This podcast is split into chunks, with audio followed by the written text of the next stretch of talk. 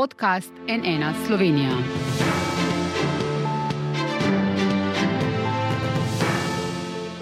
Dan, to je NN studio. V teh dneh, več kot mesec dni po avgustovski vremenski katastrofi, so prizadeti v poplavah od humanitarnih organizacij začeli prejemati denarno pomoč, ki pa seveda še zdaleč ne bo dovolj.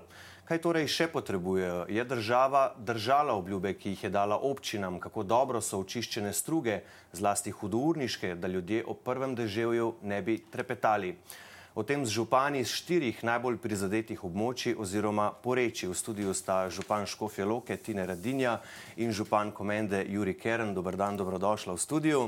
Dobar dan. Prek povezave pa tudi prav lepo pozdravljam županjo Črne na Koroškem Romano Lesjak in župana Ljubnega ob Savinji Franja Naraločnika. Dobar dan tudi vama. Lep pozdrav. Dobar dan.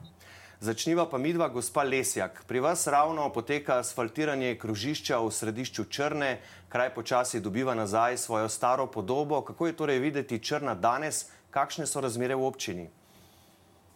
E, ja, lahko rečem, da e, pravzaprav resnično kraj mogoče dobijo neko staro podobo, ampak če greš v krog po zaselkih, je to daleč od tega. E, sicer smo veseli, da nam je uspelo, da, da nam danes asfaltirajo ta del, e, ki je dejansko bil v poplavah odtrgan, ampak e, je še veliko dela in lahko rečem, da smo pravzaprav še v popolni intervenciji, glede na kilometre, na številčne kilometre cest, pa ne na zadnje na vodotoke, ki so še daleč od očiščenih. Uh mhm. -huh. Temu se bomo bolj posvetili tudi še v nadaljevanju čiščenju. Kako je pa pri vas v Škofi Loki, gospod Radinja? Uh, ste vi že šli ven iz faze intervencije? Slišali smo ravno kar, da v Črni v bistvu ne. So zdaj že odprte vse ceste, se je stanje po mesecu dni uh, normaliziralo? Do neke mere se je normaliziralo, da bi pa lahko govorilo o čistem sanacijskem delu, pa še ne. Uh, Žal imamo najbolj poškodovane dele občine še vedno težko dostopne, ceste so nekako intervencijsko prevozne, da pa bi bile prevozne za vse vrste prometa in pa predvsem varne, pa žal še ne. Tega dela je tako, tako veliko na vodotokih, na cestnem omrežju, na vodovodnem omrežju, da žal nas čaka še mesece in leta dela za neko čisto normalizacijo, pa da rečemo, da bomo imeli kvaliteto življenja, kot so jo naši občanke in občani imeli pred katastrofo. Oceno škode že imate? Oceno škode na občinski infrastrukturi imamo, to smo preliminarno oddali. Uh, tudi podjetniki, gospodarstvo je dalo svojo ceno škode, zdaj pa trenutno uh, obdelujemo pre, nad 700 prejetih vlog občank in občanov za popis škode na njihovih objektih. Uh mhm. -huh. Pa pri vas v komendi, gospod Keren, ali zdaj že imate neko okvirno oceno škode? Vemo, da je šlo v večini prizadetih delov to precej počasi. Pri nas smo tudi že oddali in zbrali to preliminarno oceno za samo škodo. Pri nas na sami infrastrukturi ni bilo toliko škode, kot je bilo recimo v občinah Ljubno, Škofjeloka, Črna in pa še ostalih. Pri nas so predvsem nastradali prebivalci, občani. Mi lahko tukaj govorimo, saj trenutno smo nekje že na 1500 vlogah, vendar vloge še držujejo pojavljajo se novi in novi objekti, ki bi jih radi ljudje prijavili. Tako da nam to trenutno povzroča največ težav, poleg tega tudi smo se počasi lotili tudi urejanja vodotokov, vendar primankuje mehanizacije in pa tudi pravih navodil, kako in kaj. Ja, in podobne zgodbe v bistvu prihajajo od, iz večjih koncev Slovenije. Gospod Naraločnik, ravno minuli konec tedna smo na NN objavili reportažo iz kraja Trbiš v vaši občini. Krajani so nam pripovedovali o dramatičnih nočnih prizorih, kako so se reševali, kako ste jih vi v močnem držju budili in opozarjali na nevarnost. Predvsej vasi je bilo tudi odrezanih od sveta. Kako je danes? So dostopi urejeni? Krajani pravijo, to je to, konec življenja v naši vasi. No, de, definitivno pri nas uh, intervencija traja nemoteno naprej. Lahko rečem, da celo pospešeno, glede na to, da smo na koncu videli, da se moramo najbolj sami zorganizirati tako za čiščenje teh vodnih naplavin, kot seveda tudi za samo prevoznost naših lokalnih cest. Prevoznost je zagotovljena, kot so tudi moji predhodniki že dejali, ampak definitivno to so ceste, ki bodo v prvem večjem deževju spet poškodovane da ne govorimo o zimskem obdobju, ki je pred nami. Eh, resnično imamo kup, kup, kup um, stvari pred, eh, pred seboj. zavedamo se, da moramo tudi čim prej najti ta zemljišča za, za vse naše, ki so ostali brez domov in na nek način pripeljati do čim hitrejše gradne, nekaj zaradi, nekaj zaradi tega, ker dejansko res rabijo nove gnezdece, za, da bodo lahko ustvarjali, drugo pa seveda zaradi same simbolike, da tudi občine mogoče v tej v tem birokratskem boju z vsemi mlini, ki jih bijemo, ne obstanemo eh, in da smo vsaj občine pri roki tem eh, najbolj oškodovanim. Mhm. -huh. Gospa Lesjak, eh, ljudje so zdaj začeli prejemati denarno pomoč od humanitarnih organizacij, ti zneski seveda ne bodo dovolj, so zgolj začetek. Kaj vam pripovedujejo krajani? Kakšno pomoč so dobili doslej in kaj še potrebujejo?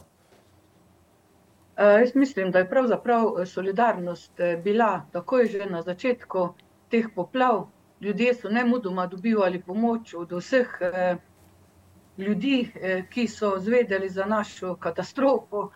Tako da mislim, da so bili kar preskrbljeni, kar se tiče teh živil, tudi pralnih strojev, hladilnikov in podobno. Vsekakor pa rabijo še ogromno sredstev za to, da bodo odpravili to škodo, ki ni majhna nekaterim je pravzaprav odneslo vse, kar so si celo življenje ustvarjali. E, tako da tudi ta pomoč, ki je pravzaprav minimalna, e, je daleč od tega, kar ljudje potrebujejo. E, jaz upam, da bodo dejansko zdaj po prijavi te škode od države prijeli sredstva za to, da bodo lahko odpravili posledice te ujme. Vsekakor bomo pa tudi mi razpisali Eh, te enkratne denarne pomoči, pogledali, koliko so škode ljudje imeli in jim na nek način tudi poskušali dodatno še pomagati. Uh mhm. -huh. Gospod Keren, kako je s tem pri vas v vaši občini? Ne? Malo prej ste rekli, da ravno ljudje so imeli v bistvu uh, največ težav. Uh, kako je zdaj s to pomočjo, kaj vse so zdaj uh, že dobili in kaj pričakujete od države, da še bodo?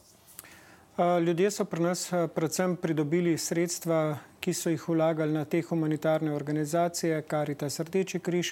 Vsem ljudem smo tudi svetovali, naj se obrnejo na centre za socialno delo.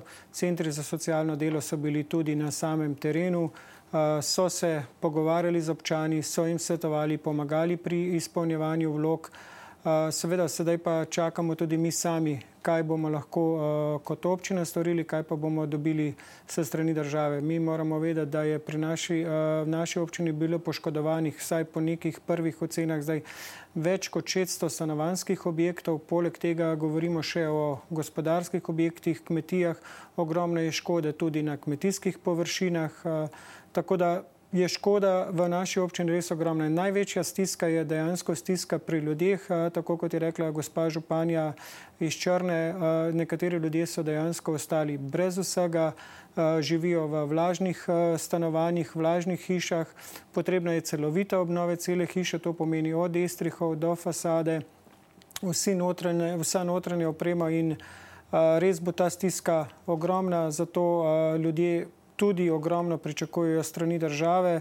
Uh, obljubljeno je bilo kar nekaj uh, zadev, vendar do danes tudi mi na občini, ki se vsakodnevno srečujemo z vprašanji naših občanov, ne moramo dati nobenih ustreznih informacij. Gospod Radinja, v bistvu sem prihajate skoraj direktno sestanka na vladi z gospodom državnim sekretarjem Boštjanom Šeficem. Kaj ste tam slišali, kaj so vam še obljubili in seveda tudi ob tem, katero od obljub, ki vam jih je dala država doslej, eh, jo je sploh izpolnila? Uh, res je. Skupnost občin Slovenije združenje, uh, in pa Združenje mestnih občin Slovenije smo se sestali z državnim sekretarjem, uh, tudi s predstavniki sekretarjev iz drugih ministrstv, da bi čim bolj izmenjali informacije tudi o tem, kar se dogaja na terenu. Jaz mislim, da obljube so bile zelo velike in pričakovanja občin, predvsem pa občank in občanov, so tudi zelo velika, da se bo zdaj to zgodilo. Uh, o tem, morda še o zagotavljanju varnosti z res interventnim, hitrim, usklajenim čiščenjem vodotokov, do pomoči prebivalkam in prebivalcem in naprej uh, tehnične pisarne in podpore občinam ter ljudem, uh, da se čim prej sanirajo posledice poplav. Um, Prenesli smo sporočila realnosti um, res različnih župan in županov, štiri take imamo danes tukaj priložnost tudi, a ne slišati, izmenjati naše uh, izkušnje in poglede, ampak ne, veliko, veliko občin bilo prizadetih. Mi imamo pravzaprav tri četrtine ozemlja Slovenije, ki je bilo izpostavljeno katastrofam in te realnosti so zelo različne. Mm -hmm. um, zagotavljanje nadomestnih zemljišč za gradnje domov občank in občanov so popolnoma drugačen izziv za velike občine, kot mogoče za majhne, bolj utesnjene občine. Občine so tudi v različnih fazah sprejemanja prostorskih aktov. Uh, ogromno se ukvarjamo z izvajalci, s cenami, s popisovalci škode, z odnosom v Aido. In vse te stvari no, smo želeli čim bolj realno prenesti uh, državnemu sekretarju, uh, da se znajo tudi na podlagi teh podatkov s terena čim bolje orientirati.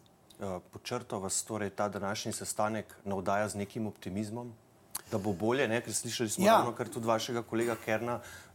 Ne vemo, v bistvu, ne? Mislim, nimamo, nimajo župani vseh navodil, kaj in kako. Absolutno. Uh, bom zelo iskren. Meni je sicer vsak obisk in vsak sestanek menil, da z mhm. optimizmom, da stvari se vendarle premikajo, uh, da obstajajo v državi ljudje, ki jim je mara ne? in delajo za to. Ampak, uh, kot sem rekel, no, obseg in naloge, ki so pred nami, so ogromne. Mogoče zgodovinske in uh, res uh, obljube morajo držati. Drugače uh, bomo pustili na cedilu tiste najbolj prizadete občane in občanke. Gospod Naraločni, kaj pravite na to, kar ste pravkar slišali? Vaš kolega Radinje je ravno kar bil na sestanku na vladi. Kako vi gledate na obljube, ki jih je dala država in kako jih je izpolnjevala? No, uh, najprej bi res tudi jaz povdaril, da solidarnost se kaže res na izjemnem visokem nivoju in tudi uh, sodelovanje z Rdečim križem, pa s Karitasom in tudi vsemi drugimi dobrodelnimi organizacijami, lahko rečem, da je res izjemno in nas navdaja zaupanje. Kot nas navdaja zaupanje, seveda tudi take informacije, ki jih dobivamo preko naših uh, združenj, preko naših skupnosti, občin, uh, ker se zavedamo, da tista vstopna kontaktna točka za vse ljudi, ki iščejo informacije, smo občine. Vse, kar se obljublja nekje v medijih preko vlade, na koncu pride iskati informacije na občine. Uh, kaj vemo mi o tem, kaj bomo mi zdaj storili, Eh, kaj bomo mi naredili, tem, eh, kako, bomo, kako bomo tem ljudem pomagali. Pa na koncu, mogoče, eh, vsaj zdaj v tem začetku, še nimamo teh eksaktnih informacij. Zato si seveda želim, da bi te tehnične pisarne za osebe, ki bi nam bilo blizu pri roki, čim prej zaživele in da tudi začnemo z, rekel, z eksaktnim podajanjem informacij tem ljudem, ki jih dnevno te informacije seveda najbolj zanimajo. Mi smo seveda tudi že organizirali, tudi eh, imenovali našo komisijo za delitev teh sredstev, ki se jih je nekaj nabralo, no, tudi na našem solidarnostnem računu in seveda bomo takoj po prejemu uh, teh popisov škode uh, uh, in seveda tudi informacij strani Rdečega križa, informacij strani Karitasa in drugih dobrodelnih informacij, krenili v to, da ta solidarnostni sklad čim prej uh, aktiviramo in ljudem nekako ponudimo našo roko. Gospa Lesjak, glede tehničnih pisarn je, bom rekel, še kar precej nejasnosti. Nekako prve neuradne informacije, ki smo jih dobili z vlade, je, da bi bila v bistvu centralna v Ljubljani, pa mogoče ena ali največ dve izpostavi, ampak eh, najbrž s tem niste prav zadovoljni, kaj v zvezi s tehničnimi pisarnami konkretno pričakujete pri vas na Koroškem. E, daleč od tega, da bi bili zadovoljni. Tehnična pisarna v Ljubljani je sicer dobrodošla. Eh, za eh, vse nas občine, zato da dobimo tam določene informacije, ampak eh, tehnična pisarna mora biti na terenu. Mi jo rabimo tukaj, zato da lahko začnemo z takoj, ko bomo upravili ta intervencijska dela, potem sanacijo in tukaj morajo biti na enem mestu vsi strokovnjaki. Lahko je ta tehnična pisarna za več občin, ampak, ampak absolutno mora biti pa blizu nas, ne tako, da bomo se mi eh, morali hoditi, mislim, morali hoditi tja ali se posvetovati tako daleč. Jaz mislim, da moraš imeti človeka pri roki, ki ti bo takoj ponudil določeno rešitev. Mi, ki smo bili poplavljeni, oziroma občine, si sigurno želimo, da se ta škoda čim prej odpravi. Zato potrebujemo strokovnjake, se pravi, od statika, eh, geologa, projektanta do nadzornih, ker si želimo, da bi bila ta sanacija uspešna da bi bili nadzori takšni, da bi dejansko zagotovili, da se to nam ne bo nikoli več zgodilo.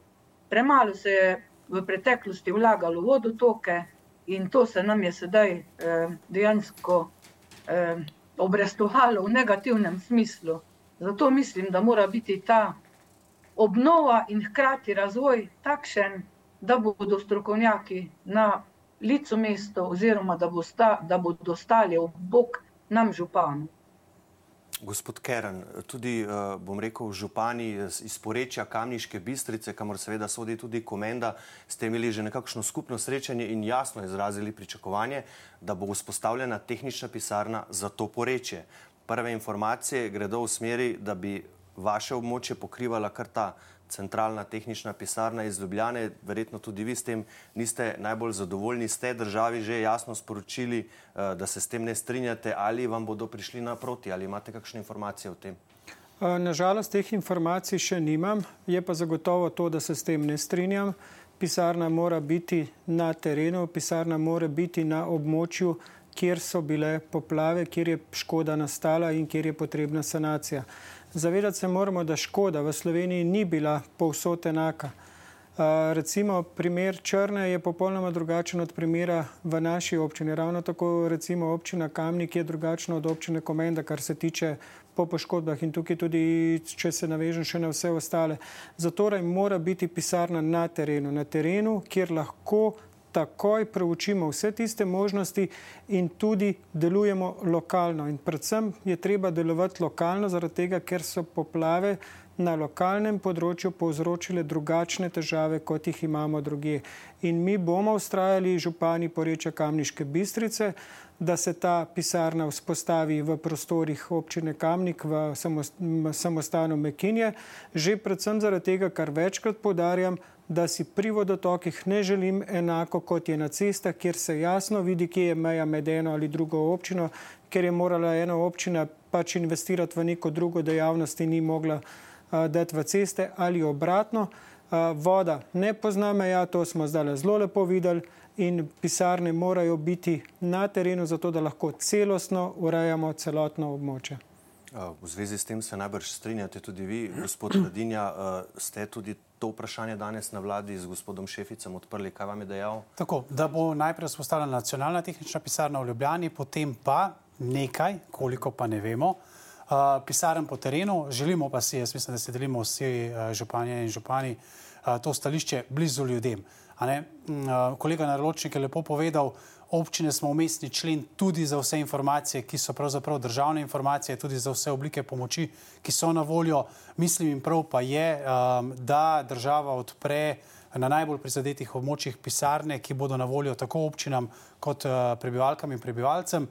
Številka 114 je bila korak v pravo smer, uh, želimo pa si več. Ja. Gospod uh, Naraločnik, uh, za konec uh, v bistvu še eno vprašanje za vse to, kar ste že v bistvu v začetku izpostavili in je zelo pomembno, čiščenje hudournikov. Zaenkrat smo imeli z Ormenom v v septembru veliko srečo, ampak slejko prej bo to jesensko deževje verjetno prišlo. Do kam ste prišli s čiščenjem? V vaši občini je kar precej hudournikov, ki, bom rekel, kar precej grozijo ljudem. Ja, uh, kot sem že na začetku povedal, na koncu smo se mogli kar sami najbolj znajti. Seveda, naj bi koordiniral ta dela uh, koncesionar na vodah, pa na koncu vidimo, da smo kar odvisni od te naše težke mehanizacije, ki jo dejansko iščemo po vsej Sloveniji. In uh, lahko, lahko se pohvalim, mogoče, čeprav bo zvenelo zelo bahaško, ampak imamo preko 50 uh, kosov težke mehanizacije pri nas, rabili bi jih pa 200. Eh, da, se, da bi mogoče šli bolj mirno v to jesen in v zimo, in seveda v spomladanski čas. Mi se trudimo na, vseh, eh, na vse kriple, eh, seveda pa za vse vodotoke enostavno nimamo dovolj težke mehanizacije. Kar nekaj naših vodotokov, teh hudourniških, predvsem, ostaje v bistvu še popolnoma nedotaknjenih. Ampak se pravi, naša občina ali pa vsaka občina ima neke specifike in naša ima pač to, da imamo ogromno teh hudournikov. Eh, ki so dejansko popolnoma nenadzorovano prešli svoje meje in zdaj grozijo ob vsaki večji vodi. Tako da bi vam rad pokazal to psihozo, to psihološko stanje naših uh, občanov uh, ob vsaki napovedi padavin. Pri vas je pa nekaj podobnega, gospa Lesjak, verjetno ne?